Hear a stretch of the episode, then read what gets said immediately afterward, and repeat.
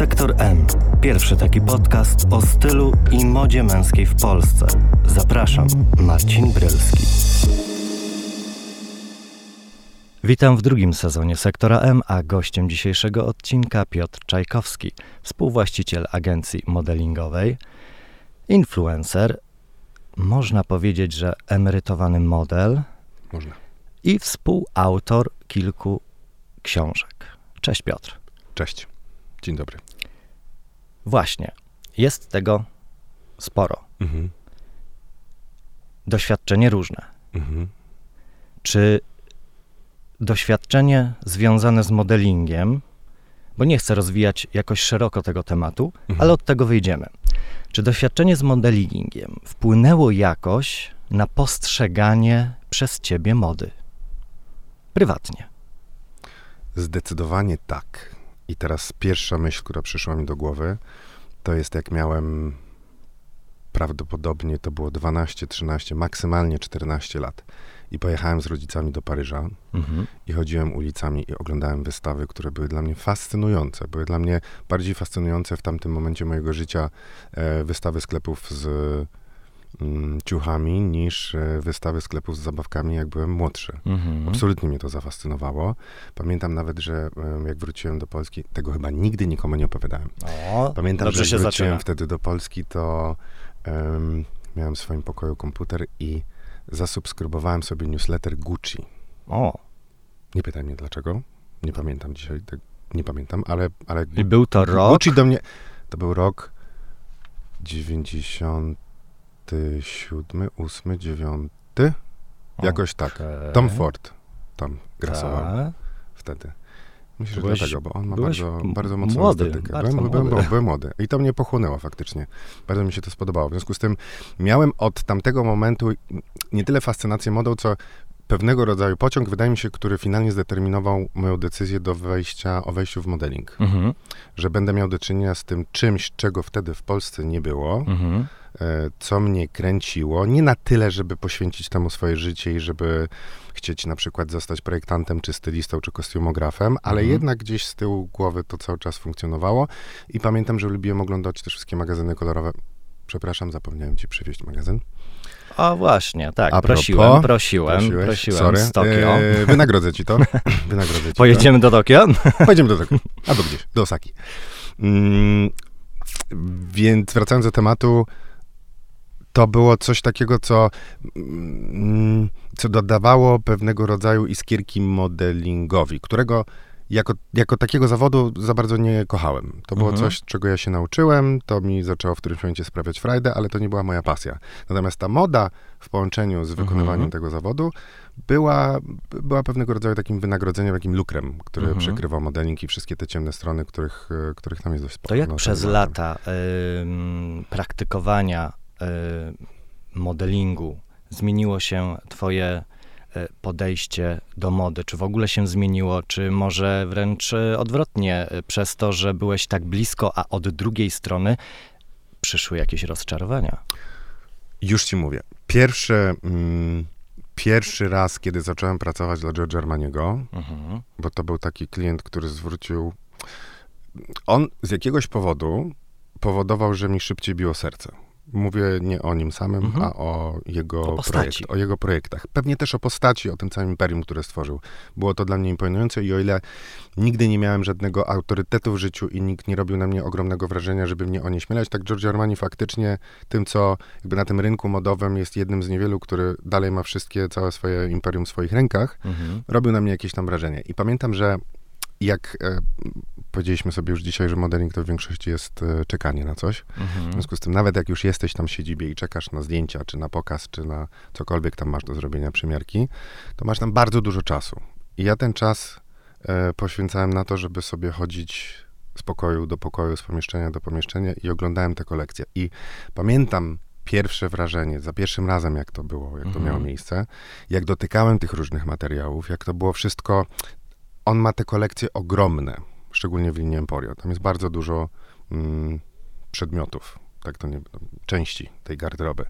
I one w przypadku Armaniego zrobiły na mnie wrażenie na tym, że mimo ogromnej ilości i stosunkowej różnorodności kolorów, Mhm. tam wszystko do siebie pasowało.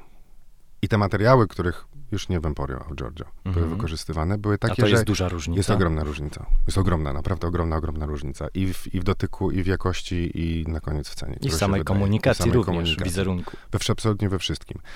I, I pamiętam, że wiesz, z moich wcześniejszych modowych doświadczeń, ponieważ w Polsce nie było za dużo butików, gdzie jak wyjeżdżałem za granicę, to sobie wchodziłem do tych sklepów oglądać różne rzeczy i trochę nie rozumiałem, jak można wydać tak dużo pieniędzy na spodnie, Mhm. albo koszulę, albo garnitur, albo cokolwiek. Mm, To tak pamiętam, że wtedy pomyślałem sobie, okej, rozumiem, jestem w tym miejscu, w którym się to dzieje, gdzie to jest projektowane, gdzie są mm, feature style, gdzie jest, e, potem sam Armani przychodzi i przymierza na konkretnym człowieku konkretną rzecz, ona jest potem zmieniana, ile ludzi jest to zaangażowanych, jaka to jest ogromna powierzchnia, Mhm. jakiego rodzaju materiały są wykorzystywane i że pomyślałem sobie, że w momencie, w którym bym nie było na to stać, nie miałbym już takich wyrzutów Mhm. sumienia. Bo wiesz, Spokojnie mógłbym stoi. te pieniądze wydać, bo, bo wiem, co za tym stoi. I stoi na tym, i dodatkowo jeszcze najważniejsza rzecz, Tak. czegokolwiek nie założyłem, powodowało, że mój kręgosłup się prostował. O. I potem, jak pracowałem, mm, już to było parę lat później, pamiętam, że przez moment pracowałem, mm, to była jakaś prezentacja w sklepie, coś, coś tam było, w, to też Armani. Mhm. Mm, I przyjechała klientka, właścicielka butiku w Brazylii, nie pamiętam w którym miejscu. Mhm. I ktoś, kto pracował w tym butiku w Mediolanie, powiedział, że chciał sprzedać, zaproponować tej kobiecie, żeby sprzedawała u siebie smokingi, które akurat jakiś tam nowy model wyszedł. Mhm. Ja mówię tak, proszę pani, jakby jestem z Brazylii, mieszkamy na plaży, nie używam takiego, że to się nie sprzeda. Mówi tak, ale proszę poczekać. Ona mnie zawołała, Piotr, chodź. Ponieważ to powodowało, oni to też widzieli, ja podejrzewam, Mhm. że dlatego też tam pracowałem, bo jednak się czuje takie rzeczy. Mm, Poprosili mnie, żebym założył ten smoking i ona popatrzyła na mnie i kupiła po 8 z każdego rodzaju. Czyli potrafiłeś sprzedawać produkt? Ja dobrze sprzedaję. Mhm. Ale masz też yy, taką trochę, nie wiem czy to dobre określenie, yy, namiętność w stronę Włoch. Wspominałeś już Kocham Włochy. o Gucci od samego e, dziecka. E, ja, o tym newsletterze, który subskrybowałeś. E, Armani, to było e, kilka lat, e, jak się domyślam. E, wtedy miałeś 20 ile? 6? 7? Czy to wcześniej było? 7. 7, widzisz? Wiem, a to nas też łączy, że chciałbyś mieszkać w Mediolanie i lubisz Mediolan. Uwielbiam. No więc właśnie, te Włochy. Ale to też zmienia, ale... jest Mhm. jakaś taka mm, nuta elegancji w tym wszystkim. Jest jakiś określony styl. Mhm. No i teraz zastanawiam się, czy elegancja wśród mężczyzn, polskich mężczyzn, Mhm. jest nadal pożądana. Uważam, że jest. Tylko nie mają zbyt dobrych przykładów. Albo jest ich bardzo mało. Mhm. I teraz pierwsza myśl, która przychodzi mi do głowy, to jest taka, że, że na rynku lokalnym mamy niewiele marek, które potrafią w odpowiedni sposób, nie mówię o kolorach, mówię o materiałach, o formie, bo to jednak jest, Mhm. wydaje mi się, że moda jest wciąż męska, bagatelizowana, Mhm. że jednak męski klient jest e, zdecydowanie w mniejszości względem kobiet, jest Mhm. dużo mniej wymagający, bo nie wie, czego ma wymagać, bo nie zdaje sobie sprawy przez, samego, przez samego konsumenta i klienta już to jest bagatelizowane, że, że ciuch to jest coś, co się zakłada, to ma, to ma ochronić ciało. Bo to ma, paradoksalnie polskich marek z segmentu odzieżowego jest Mhm. bardzo dużo. jest bardzo dużo. To prawda, ale niewiele, które robią to dobrze. Nie uważasz? Yy, na pewno można je w jakiś sposób Zdecydowanie kobiety to robią lepiej. E, no, z, w ogóle z podejściem kobiet do mody e, jest inaczej, ale kobiety mają też bezpośrednio wpływ na męską modę. Tak. Poprzez e, to, że są czyjąś dziewczyną, czyjąś koleżanką, czyjąś żoną, Mhm. że chodzą z mężczyzną na zakupy, że częściej może siedzą w tematyce modowej, bądź to obserwują. E, i Mhm. rzutuje to bezpośrednio na to, co mężczyźni noszą. Nie wszyscy, ale jakaś kategoria mężczyzn. Tak. Wróćmy do tych Włoch na chwilę, gdzie Włosi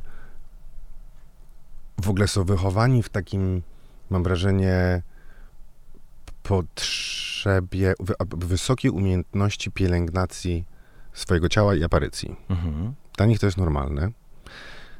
Nieśmiertelnie przypominam sytuację z męskiej szatni na siłowni. To nawet nie był Mediolan, to była Pulia.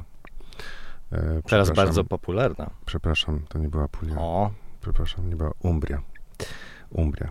E, I byłem świadkiem sytuacji, w której w szatni stało naprzeciwko siebie, w bardzo bliskiej odległości, dwóch nagich heteroseksualnych facetów, którzy komentowali swoje owłosienie i jak je trymują. I pytali, jakich produktów używają, w jaki sposób to trymują, a co robisz, a jak to robisz, a kiedy to robisz, a czy rano, a czy wieczorem, a jakich kremów potem używasz, a czy przed kąpielą, czy po prysznicu, w jaki sposób. Naturalnie, po prostu, byli Mhm, tym mhm. zainteresowani i w bardzo podobny sposób podchodzą do tego, co na siebie zakładają. I teraz zwracają uwagę na to, jak, wiesz, tam ten też jest taka kultura tych konstrukcji garniturów. Oni często chodzą w garniturach, Mhm. nie tylko na spotkania biznesowe, nie tylko do pracy. To jest, to jest część takiego lifestyle'u. Od północy po, po samo południe. Po prostu to lubią, bo wtedy się dobrze czują. Jak jest garnitur jest dobrze skrojony, on, on jest wygodny. On nie przeszkadza. On jest robiony z innego materiału na no, że lato. włoska konstrukcja jest lekką konstrukcją. Dokładnie. Z innego materiału na lato, z innego materiału na jesień, wiosnę, i tak dalej. W związku z tym to wszystko jest odpowiednio do siebie dobrane i powoduje, że, że oni się tym bawią. Skarp, kolor skarpetek czy wzór na skarpetce jest dopasowany do poszetki albo do krawata, do tego zakładają kapelusz. Ale Lubią- czy wszyscy? Nie Bo może wszyscy. tak właśnie nie, nie wszyscy, absolutnie nie wszyscy. Ogólnie, Mówię, że generalizuje się. Generalizuję, natomiast jednak to widać na ulicy, to się rzuca w oczy. Taki, takich mężczyzn jest bardzo wielu. Mhm. Versus u nas oni są w mniejszości. Wciąż. Mhm. Zdarzają się też tacy. Mamy coraz więcej osób z zagranicy. Natomiast y, oni są wciąż w mniejszości. W związku z tym teraz taki polski mm, mężczyzna, który ma ochotę, powiedzmy, podpatrzy, Mhm. że, że może wyglądać dobrze. Po pierwsze, Ale musi być ta ciekawość, która wychodzi ale ze załóżmy, że strony. ona jest. Załóżmy, że ona jest. Albo załóżmy, że ma e, partnerkę, czy partnera, który będzie Mhm. do tego namawiał, albo ona namawiała. No i, i, i- gdzieś prawdopodobnie łatwiej to będzie w mediach społecznościowych w tym momencie zobaczyć, bo tam jest najszerszy dostęp i, i, i- i wychodzi chociażby z tego, że potrzebuje sobie kupić kurtkę, bo się zmienia sezon. W związku z tym klika w jakiejś tam stronie i automatycznie algorytm mu podpowiada a to, a tamto, a siamto. No i teraz sobie patrzy i dostęp, jaki ma, jest bardzo ograniczony. I podobny tego, do siebie. I podobny do siebie versus tego, versus tego dostępu, który mają nawet Niemcy. Nawet Niemcy. E, no tak, e, tu oczywiście e, zgadzam się e, z tym, co mówisz, natomiast jeżeli chodzi o samą elegancję i o Mhm. ciebie, bo sam zauważyłeś, że ten segment e, bywa dość okrojony, e, co jest dla ciebie interesujące w męskiej elegancji i jakie elementy tej elegancji są dla ciebie interesujące, są twoje? Faktycznie nie skończyłem tego wątku z historii e, w showroomie w Mediolanie. Mm, zmierzałem do tego, że skończywszy, zaprzestawszy przerwa, jakkolwiek byśmy, jakiego sformułowania byśmy nie ujęli, Mhm. czy nie użyli, e, wychodząc z mody, z modelingu, nie mam ochoty się stroić. Mhm. To nie znaczy, że nie chcę wyglądać dobrze. W związku z tym No to w teraz moim, rozwinąć, w moim mikrokosmosie, mojej mikroskali doprowadziłem do tego, że tak jak w tamtym showroomie ogromnym z wieloma ilościami różnych przedmiotów, moja garderoba, tam wszystko do siebie pasuje. Więc jak wstaję rano, to nie myślę o tym, co tam jest. Tam jest zawsze biały t-shirt, szary t-shirt, czarny t-shirt, granatowy t-shirt. Mhm. I w tych samych kolorach czasem jest jakiś brąz, czasem jest zielony. Max. Nie ma Mhm. więcej kolorów. W związku z tym wszystko można nawet z zamkniętymi oczami do siebie dobrać. I teraz mm, w, m, Czyli już miarą wiemy, elegancji w moim przypadku będzie to, że t-shirt niby jest t-shirtem, ale w Mhm. moim odczuciu ten t-shirt fajnie, żeby był dopasowany do sylwetki. Okej. Tak samo spodnie. O, to nie musi być nic wyrafinowanego, Czyli ale nie, żeby nie one... jesteś fanem szerokich nogawek? Nie. O, Nie lubię ich. Mhm. Uważam, że um, zmieniają proporcje w sposób nieelegancki. Mhm. Jakby moja babcia powiedziała, jak podarte dżinsy na przykład. Ale zdarza ci się nosić fanem. marynarki. Zdarza mi się nosić marynarki. Jedno czy dwurzędowe? Uwielbiam dwurzędowe. A widzisz, i to już jest bardziej modowe. I też mniej dostępne, jakby. To prawda, ciężej o taką. e, tak, ale ciężej dlatego. Muszę nie, coś że- dodać. Proszę, ja później skończę. Czysta bielizna, O, czysta. biała. A. tutaj się trochę uzewnętrznia, ale też się, że, zgadzam. Wydawałoby się, że to jest coś oczywistego. Nie jest. Y, no nie, bo ludzie lubią kolory generalnie. Mhm. Albo lubią te kolory... Y, Właśnie, lubią kolory, y, których nie widać na pierwszy rzut oka, może tak. Mhm. Y, nosić coś, co nie widać na pierwszy rzut oka, jak kolorowe skarpetki, jak kolorowa bielizna. Mhm. E, no, nie będziemy tu mówić, czy to jest e, estetyczne, czy nie e, i tak dalej, bo każdy może nosić bieliznę i skarpetki, które chce. Mhm. Ale to, co widać, czyli wspomniane marynarki chociażby w segmencie eleganckim, i te dwurzędowe, które ty lubisz, które ja również uwielbiam, e, są trudniej dostępne nie dlatego, że marki nie chcą ich produkować, czy nie mają na to pomysłu, czy nie potrafią, tylko one się w Polsce nie sprzedają. Mhm. Bo marynarkę dwurzędową trudniej jest nosić, bo w marynarce dwurzędowej nie każdy dobrze wygląda, bo marynarki dwurzędowej nie rozpinasz siadając. Mhm. No i właśnie, coś, co jest e, tak naprawdę ciekawsze i daje jakiś wyróżnik w tym wszystkim, bo zupełnie inaczej wygląda się jednak mhm. w dwurzędowej marynarce niż w jednorzędowej. E, taki prosty wyróżnik wcale nie jest pożądany. Mhm. I to jest ciekawe, bo wydaje mi się, że polscy mężczyźni e, nie wiem, czy się boją, ale może nie są jakoś tak ogólnie zainteresowani tematem mody i ubierania się. To jest to, co powiedziałem na początku, że oni to bagatelizują. Że to jest coś, czego mężczyźni nie wypada. Wciąż żyjemy w erze patriarchatu jednak, w większości takiej makroskali. Oczywiście z wyjątkami, z pewnymi mhm. bańkami. W większych miastach jest trochę inaczej. I to się zmienia, ale bardzo powoli. I generalizując, wciąż jesteśmy w patriarchacie, który mm, nie interesuje się modą, bo nie wypada, bo to jest niemęskie. Mhm. W związku z tym też niemęskie jest strojenie się, dbanie o siebie, używanie różnego rodzaju kosmetyków, po co mi tyle par butów? Przecież te są sportowe, wygodne na co dzień. Pójdę do pracy na spotkanie z szefem, no to, no to mam te takie brązowe takie. No są jeszcze dobre. No to teraz od razu e, nasuwa mi się e, kolejne pytanie w związku z tym, co mówisz. E, czy dopasowywanie stroju do okazji to jest coś, co powinno funkcjonować? Czy to jest coś zbędnego? Czy to jest jakaś fanaberia? Zakładając twoje minimalistyczne kolory na przykład. Mhm. I w ogóle mam wrażenie, że e, taki pociąg do minimalizmu generalnie. Mhm. Uważam, że należy dostosowywać strój do okazji, aczkolwiek. Mhm. Ponieważ mówimy o mężczyznach, to skupmy się na mężczyznach. Są tacy mężczyźni, zapytam cię o przykład, bo na pewno będziesz wiedział, co mam na myśli, którzy mogą założyć cokolwiek i których ta zasada nie dotyczy. Mają w sobie pewną naturalną elegancję, mhm. która powoduje, że, mm, że dobrze wyglądają w t-shircie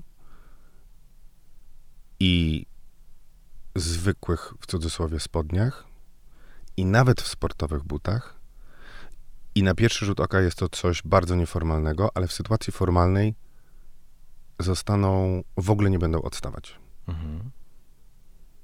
Więc generalnie tak, należy dostosowywać, ale są szczęściarze, którzy mają, od, są od tego wyjątkiem. A z tobą jak jest? Dostosowujesz się? A jak uważasz?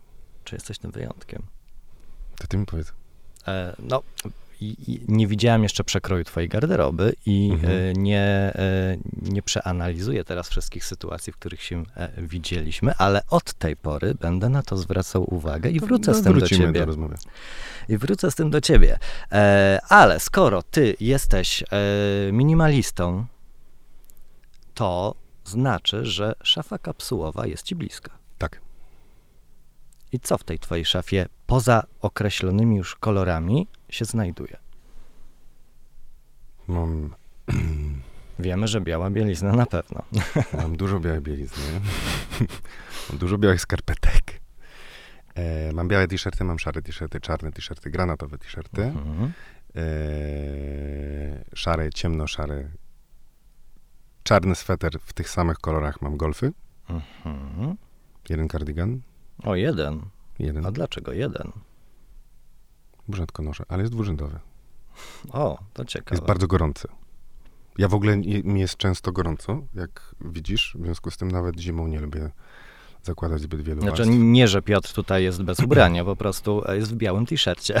Jest gorąco, bo mi jest gorąco. W każdym razie mm, nie lubię warstw. Mhm. W tym O. kontekście też jestem minimalistą. Okej. Jakby lubię, bo to ładnie wygląda, ale ponieważ jest mi ciągle ciepło, to bardzo rzadko nakładam na siebie te warstwy i raczej wyjdę w t-shircie i ciepłej kurtce, Mhm. niż y, będę miał na sobie ileś tam warstw. Mam dużo dresów, uwielbiam dresy Mhm. i bardzo dobrze się w nich czuję. Bo Miałem zauważyłem... taki moment w którymś y, parę lat temu, że chodziłem wyłącznie w dresach O, i butach sportowych. Miałem też taki moment, że chodziłem w dresach i marynarkach i eleganckich butach. W Mediolanie. eleganckie buty do dresu? Mhm. No, chyba będę chciał zdjęcie zobaczyć. Poszukam. E, no właśnie, bo Miałem też moment, że chodziłem w czerwonych butach w liceum. No. Z czubkiem. w młodości różne rzeczy się robiło, I woskowane rzeczy się nosiło. miałem. Jakie? Woskowane. Aha. No to też, to, to nawet wraca tak naprawdę, więc... O zgrozo. y, różne, różne sytuacje y, w modzie mam wrażenie, że jeszcze nas w sumie nie zaskoczą, tylko te powroty m- mogą Mhm. nas zaskoczyć. A ja przeglądając twój Instagram zauważyłem, że Jestem ciągle w tym samym. nosisz często golf. Lubię. Oczywiście w odpowiedniej porze roku. E, pomimo, że jest ci e, szybko dość gorąco. One są cienkie. E, sweter, Mhm. bluzę Mhm. i czapkę z daszkiem. Lubię Lubisz czapkę czapki z daszkiem? Lubię. I założyłbyś czapkę z daszkiem do eleganckiego stroju? Tak. A kiedy ostatnio tak zrobiłeś? Dawno nie byłem na elegancko. Nie pamiętam, ale tak, założyłbym. Tylko wtedy mm, widzę nawet dwurzędowy garnitur, t-shirt, czapkę z daszkiem i sportowe buty. Białe. Mhm. Drobny kontrast. Mhm. Lubisz też kontrasty? Lubię. I w modzie, i w życiu, w sobie? Uch, uwielbiam. A Wszędzie. największy kontrast w tobie to? Powiem ci to poza anteną. O! Wiesz co, mm, No dobrze, to skupmy się na tej modzie. skupmy się na modzie. Poza Ale mam e, świetny przykład. elegancją Tak, jestem człowiekiem kontrastów. Tak. Mhm. E, I teraz zastanawiam się Mhm. jeszcze, em, również odwołując się trochę do Instagramu, no bo jesteś również influencerem, podejmujesz różne współprace, to czy... Wiesz co, w modelingu mam taki mm, podział, Mhm, o którym pewnie słyszałeś. E, To po pierwszym moim kontrakcie, na który pojechałem, ponieważ jak ci wspomniałem wcześniej, nie przepadałem za modelingiem, a to wynikało z tego, że wtedy, kiedy zaczynałem, to było, mm, było bardzo dużo stereotypów e, na temat tego zawodu. mhm, które wciąż funkcjonują, ale mam wrażenie, że dzisiaj w zupełnie inny sposób. I wtedy to było coś takiego, mm, o czym się niechętnie mówiło. Wręcz się ja tego wstydziłem, że to było takie coś, ludzie nie reagowali dobrze na to, jak chłopak był modelem. Jeszcze modelka, jak ci mogę. Ale chłopak, który zajmował się modą i, i, pracował jako model, to było, ale bardziej z to było w zasadzie zawodu, czy... równoznaczne z tym, że płci? jest prostytutką. Generalnie, bo modeling wtedy, wiesz, no to był, to były inne czasy, no to było 20 lat temu, Mhm. wtedy, kiedy ja zaczynałem jednak. E, I jak wyjechałem wtedy na ten pierwszy kontrakt, to była Grecja, poznałem bardzo fajnych ludzi i zwróciłem uwagę na to, że, mm, że to jest zawód jak każdy inny. I wtedy, obserwując ludzi, z którymi miałem wtedy do czynienia, zauważyłem różnicę, że są tacy, którzy są modelem i modelką, Mhm. i tacy, którzy pracują jako model i modelka. I to determinowało absolutnie całe ich życie. Czytaj, e, mindset był zupełnie inny. I taki model czy modelka, którzy uważali się, że to determinowało, definiowało całe ich życie, Mhm. mieli zupełnie byli bardzo roszczeniowe podejście do życia, do klientów, do pracy, do, do agencji i do kolegów i koleżanek, versus ci, którzy pracowali w tym zawodzie, to byli bardzo często ludzie, którzy znaleźli w tym, żeby nie powiedzieć z przypadku, ale jakoś tak ze zbiegów okoliczności zajmowali się czymś tam, wykorzystali jakiś moment i sytuację, która doprowadziła ich do tego, że są w tym momencie tu i zarabiają w taki sposób na życie. I z tym influencerstwem jest bardzo podobnie. Mhm. Są influencerzy, którzy się definiują w życiu jako influencer, influencerka i są ludzie I ja jestem tego bardzo dobrym przykładem, bo to jest coś, co do mnie przyszło Mhm. mm, z mody na samym początku, a potem z Azji Express.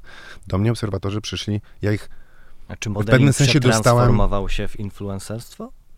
Y, Nie, ale dużo obserwatorów było z mody. To Mhm. był sam początek mediów społecznościowych Instagrama, e, jak ja jeszcze byłem w modelingu i bardzo często jak się chodziło do pracy, to się wszyscy nawzajem krosowali i relatywnie łatwiej było znaleźć, e, pozyskać wtedy tych obserwatorów, dużo łatwiej niż teraz. W związku Mhm. z tym, jeszcze zanim e, poszedłem do telewizji, miałem już ilość tam jakieś powiedzmy mniejsze, ale większe konto, natomiast potem telewizja to jeszcze podbiła. W związku z tym w moim przypadku ja jestem taką osobą, która dostała to w prezencie. Jako Mhm. to był rykoszetem. Oni do mnie przyszli. Przyjąłeś z otwartymi rękoma. Przyjąłem z otwartymi rękoma, ale ja nie umiałem sobie z tym radzić. To było dla mnie trudne. Ja, Mhm. nie, ja nie miałem natury człowieka, który mówi do telefonu. Ja się tego potrzebowałem nauczyć. I teraz, będąc, uważam, facetem inteligentnym, widziałem w tym potencjał, którego Mhm. nie chciałem zmarnować. Ale trochę czasu mi zajęło, zanim ja się nauczyłem. Boże, pierwsze Insta Story ja opublikowałem po chyba dwóch latach od tego, jak to było możliwe. Dla mnie to było paraliżujące wręcz. Nie lubiłeś mówić do telefonu, do ekranu? W ogóle nie mówiłem, nie lubiłem ani mówić, ani do telefonu, ani do ekranu, ani się słuchać jeszcze do tego. I te, i te i jak zaczęły przychodzić do mnie różne zlecenia, ja byłem, ja się, po, ja się robiłem czerwony, się pociłem, nie wiedziałem, jak mam to wykonać. I oni to, przecież to, przecież oni chcą, żebym ja zrobił reklamę, która ma nie wyglądać na reklamę, ale wiadomo, że to jest reklamą, przecież ja tych, okłamuję tych ludzi. Mhm. Mi się to nie mieściło w głowie. Ale po latach, bo sam już Po powiedziałeś, że się latach doszedłem do takiego momentu, w którym, wiesz co, stwierdziłem, że jak to jest reklama, to niech to będzie reklamą. I mam takiego chłopaka, z którym, mm, mm, który jest operatorem świetnym, Mhm. pozdrawiam Wącia. E, Robię absolutnie każdy film i stwierdziłem, że jak to ma być reklama, niech to będzie zajebista reklama. A jeżeli chodzi I o lubię to klientów, Mhm. to poprzez pryzmat tego, jaki jesteś, co nosisz, na co zwracasz uwagę, też tak podchodzisz do tych klientów i do zleceń? Jesteś selektywny, jesteś świadomy, czy jak to wygląda? Nie potrzebuję być selektywny. Klienci się sami selekcjonują. Aha. Czyli masz to przypadku. szczęście. Tak. Nie przychodzi do mnie naprawdę. Bardzo rzadko odmawiam i to raczej wynika z tego, że ym, Oj, tu oby nie było wyrwanej wypowiedzi z kontekstu. Proszę bardzo. Rzadko odmawiam. I i jeśli to wynika, to na ogół z tego, że, mm, że po prostu współpracuję z konkurencją. Mhm. A dużo masz tych współprac? Dużo. I to jest teraz y, większa część twojego życia?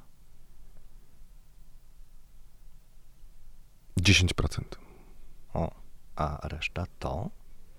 To jest agencja modelingowa, talent management, sta- startup fizjoterapeutyczny, startup designerski, suplementy, Jesteś przedsiębiorczy. fundacja.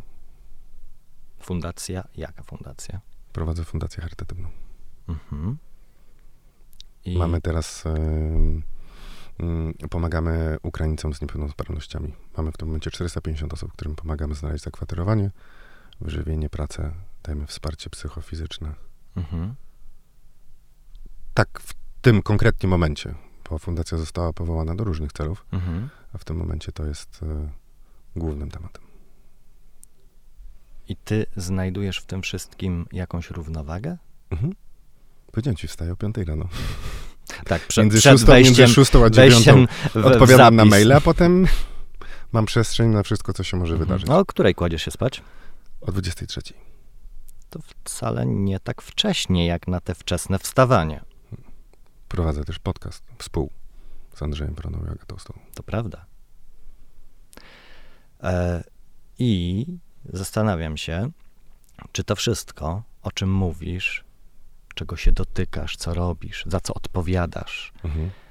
to wszystko, w to wszystko jesteś zaangażowany na 100%?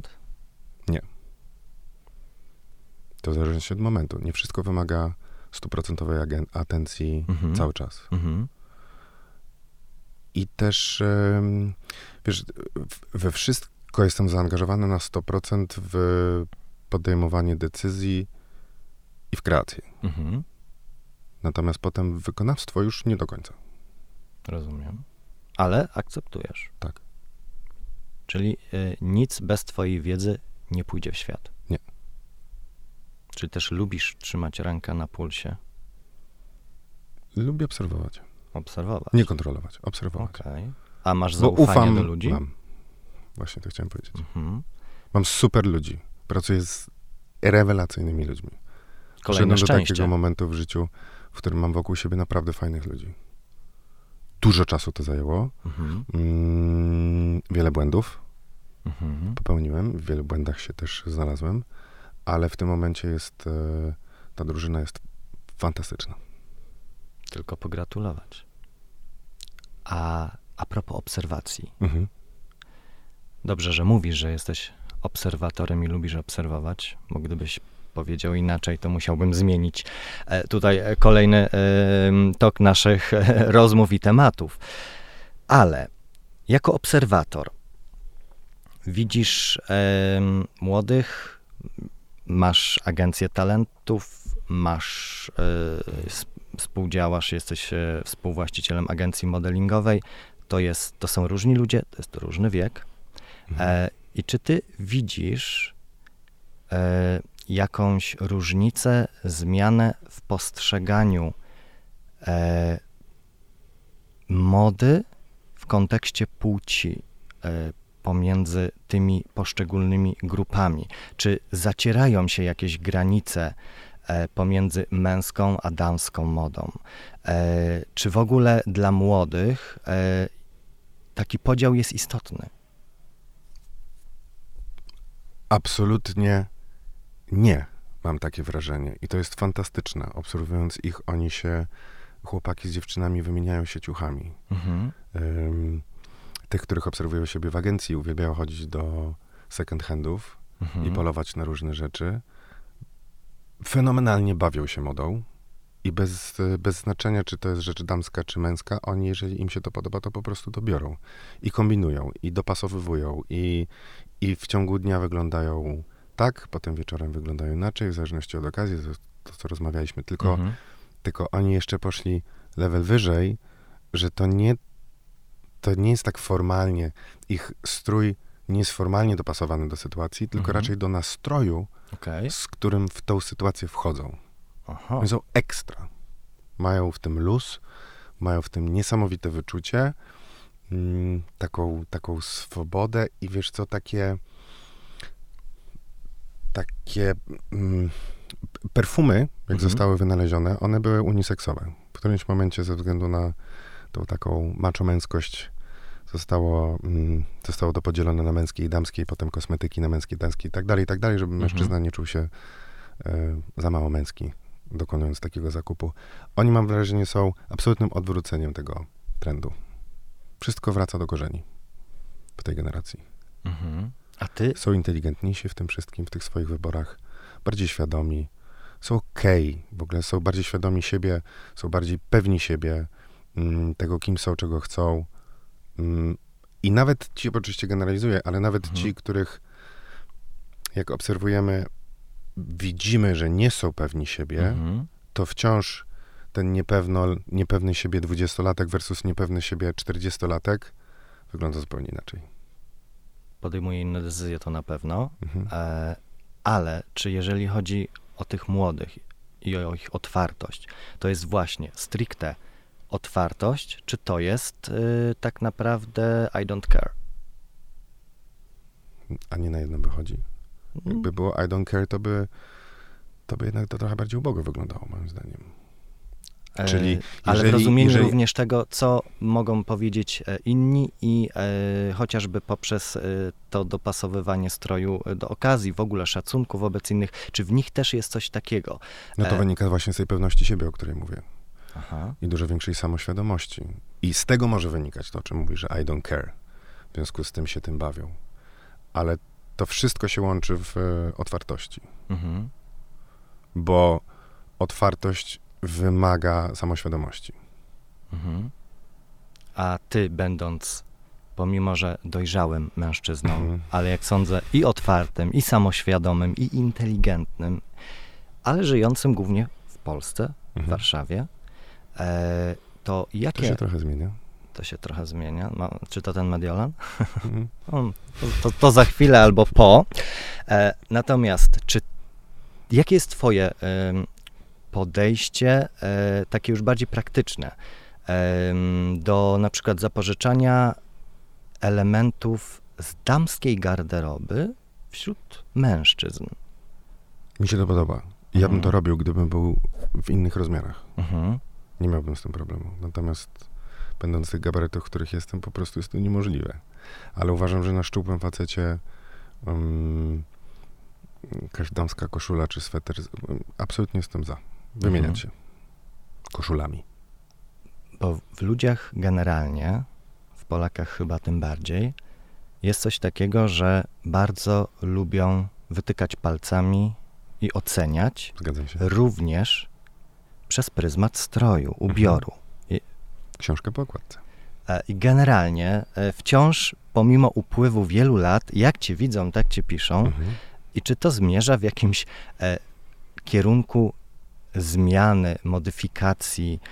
Gdzie, kiedy w ogóle nastąpi w ludziach tak ogólnie Mhm. otwartość na inność? To jest bardzo długotrwały proces, który konsekwentnie realizują młode pokolenie. Uważam. Mhm. Jest jej coraz więcej. Ale to znaczy, że e, to przestrzeni- młode pokolenie musi wyprzeć to stare, czy ono ma wpłynąć również na postrzeganie przez starszych e, aktualnego świata, tego, co się dzieje, wyborów ludzi? Wydaje mi się, że w którym nie, niekoniecznie musi wyprzeć, to, to naturalnie zostanie odsunięte. Aha. E, takie komentarze, o których mówimy w tym momencie, starszej generacji, przy nagromadzeniu tak dużej otwartości tych młodych i tego, jak oni versus my, Mhm. kiedy byliśmy w ich wieku, no oni są dużo bardziej wyraźni, dużo bardziej rzucają się w oczy. To w którymś momencie mm, poprzednieje tym wytykającym palcami. Myślisz? Tak sądzę. Że... Znaczy, hm, to zobaczymy, co się będzie działo za 10 lat. Mhm. W jaki sposób Mhm. będą wyglądali tamci ludzie, czy tamto pokolenie, ale mm, tak sądzę. A Poza czy- tym, wiesz co, bardzo ważny Tak. czynnik. Jednak co, mamy coraz więcej obcokrajowców w Polsce. Mamy coraz, więcej, coraz większą różnorodność. Ale oni się e, e, kumulują w dużych aglomeracjach. W Tak. kilku aglomeracjach. To prawda, natomiast są, a do dużych aglomeracji przyjeżdżają ludzie z mniejszych miejscowości, do których później wracają. Mhm. I teraz taki ktoś Czyli jakiś miejscowości, to się wszystko ze sobą miesza. I teraz 20 lat temu nie zobaczyłeś e, zbyt wielu czarnoskórych e, ludzi na ulicach nawet Warszawy. Dzisiaj jest ich wielu. Różnych nacji, różnych narodowości, różnych subkultur, wyznań, orientacji i ludzie coraz chętniej Mhm. się z tym, no nie że obnoszą, ale coraz mniej się z tym chowają. Mhm.